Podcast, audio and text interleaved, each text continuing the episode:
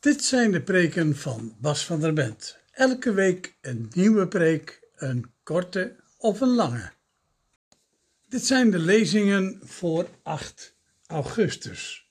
De eerste lezing is uit het boek 2 Koningen, hoofdstuk 4, de versen 8 tot en met 18a. Op zekere dag kwam Elisa door Sunem. Daar woonde een voorname vrouw die hem dringend uitnodigde om te komen eten. En van toen af aan ging hij elke keer als hij langs Sunem kwam bij haar eten. De vrouw zei tegen haar man: Die godsman is beslist heilig. Laten we op het dak van ons huis een kamer voor hem maken en daar een bed, een tafel, een stoel en een lamp neerzetten. Dan kan hij zich daar terugtrekken als hij bij ons komt. Toen Elisa op een dag weer door Sunem kwam, onderbrak hij zijn reis en ging rusten in het voor hem ingerichte vertrek. Hij vroeg zijn knecht Gegazi de gastvrouw op te roepen. Toen de vrouw op Gegazi's verzoek naar boven was gekomen, zei Elisa tegen Gegazi: Vraag haar wat we voor haar kunnen doen.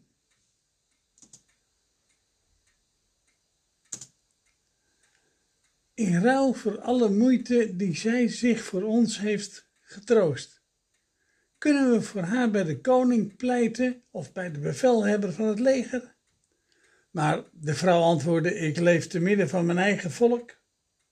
Weer vroeg Elisa: Kan ik echt niets voor haar doen? En Gegazi antwoordde: Jawel, ze heeft geen zoon en haar man is al oud. Toen zei Elisa: Roep haar binnen. Gegazi riep haar. De vrouw kwam in de deuropening staan. En Elisa zei tegen haar: Vandaag over een jaar zult u een zoon in uw armen houden. Nee, waarde godsman, antwoordde ze, spiegel me toch niets voor. Maar de vrouw werd zwanger en precies een jaar later baarde ze een zoon zoals Elisa had voorzegd. Het kind groeide op. De tweede lezing is uit het Evangelie naar Marcus, hoofdstuk 7, de versen 24 tot en met 30. Hij ging weg en vertrok naar de omgeving van Tyrus. Dan nam hij zijn intrek in een huis en hoewel hij niet wilde dat iemand dat te weten zou komen, lukte het hem niet onopgemerkt te blijven. Integendeel, er kwam al meteen een vrouw die over hem gehoord had naar hem toe en zij viel voor zijn voeten neer. Ze had een dochter die door een onreine geest bezeten was. Deze vrouw was van Syro-Fenitische afkomst en geen Jodin. Ze smeekte hem om bij haar dochter de demon uit te drijven. Hij zei tegen haar: Eerst moeten de kinderen genoeg te eten krijgen. Het is niet goed om de kinderen hun brood af te pakken en het aan de honden te voeren. De vrouw antwoordde: Heer, de honden onder de tafel eten toch de kruimels op die de kinderen laten vallen. Hij zei tegen haar: Dat heeft u goed gezegd. Ga naar huis, de demon heeft uw dochter al verlaten. En toen ze thuis kwam, lag haar kind op bed en bleek de demon verdwenen te zijn. Tot zover de lezing uit de schriften.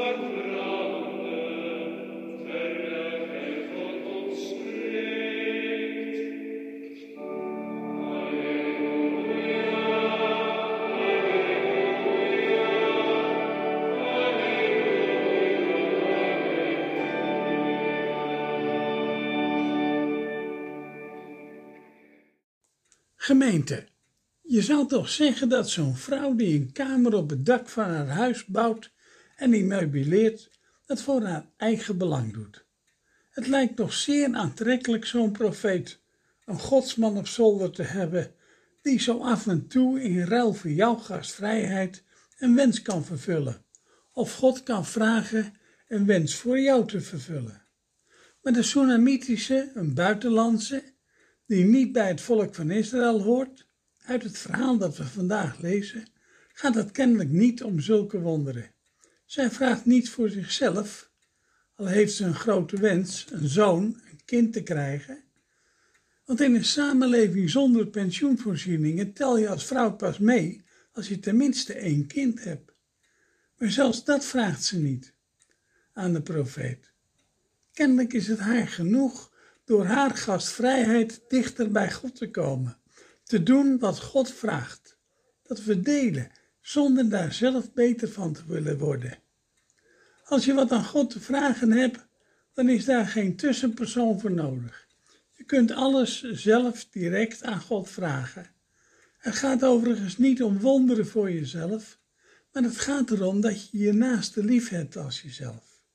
Dat, die gebrek, dat degene die gebrek lijkt, geholpen wordt.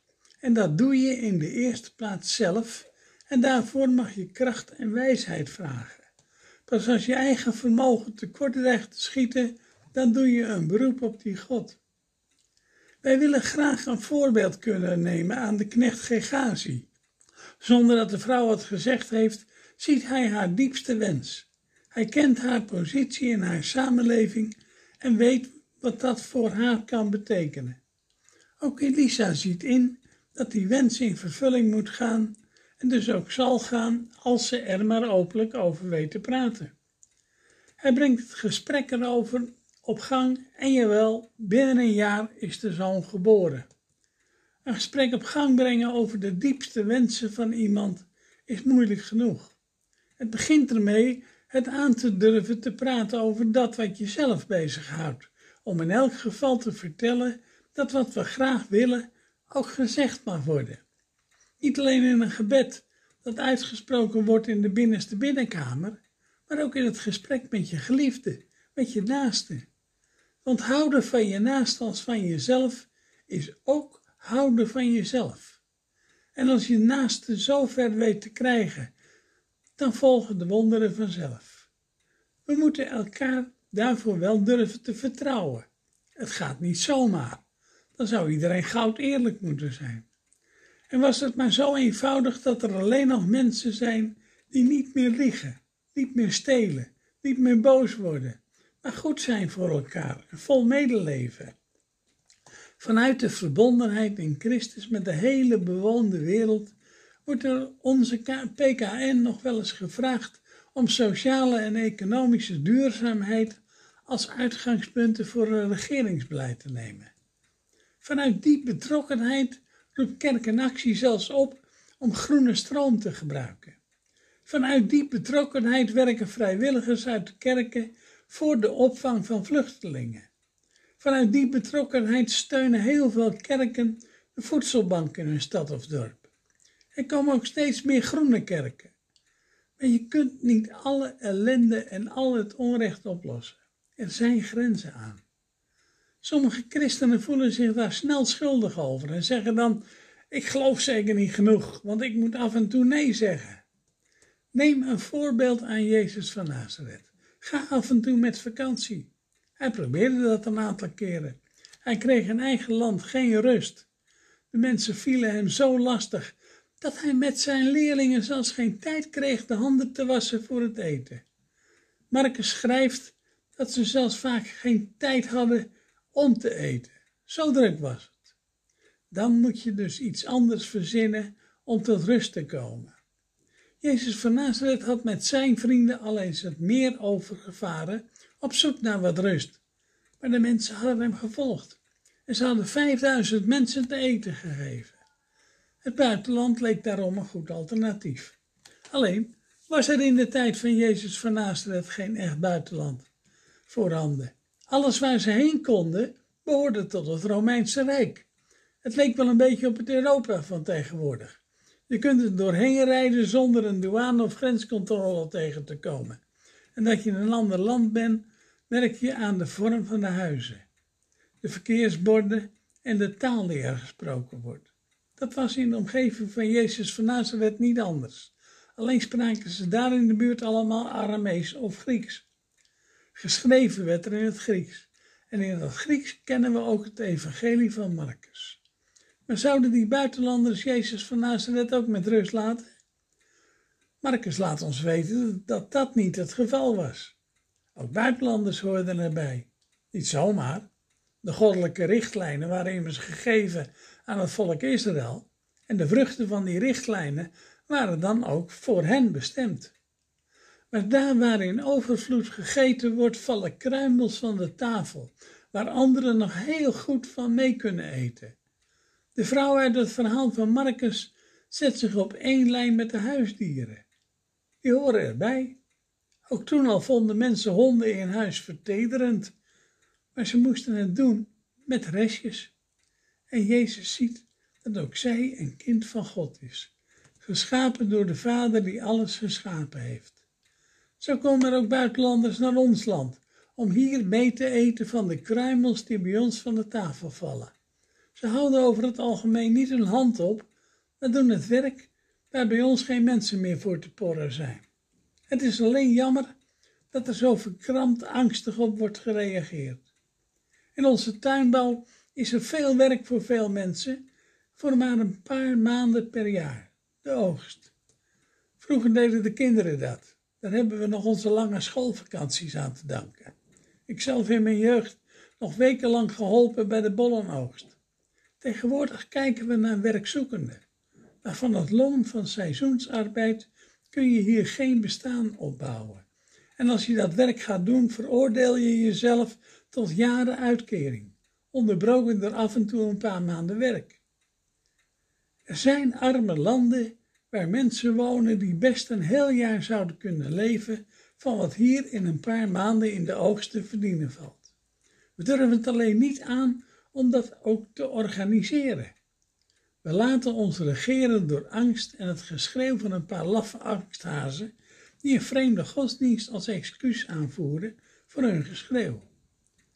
En als we echt zouden kunnen helpen vrede en welvaart in de armste landen van de wereld te bevorderen, dan hoeven er ook geen mensen meer te verdrinken in de Middellandse Zee. Geloven in de macht van de God van Israël doen de angsthazen die schreeuwen dat ons land vol raakt, dus niet. Want dan zouden ze weten dat we, als we mensen tot hun recht laten komen, ze echt als medemensen leren zien, de weg van God gaan.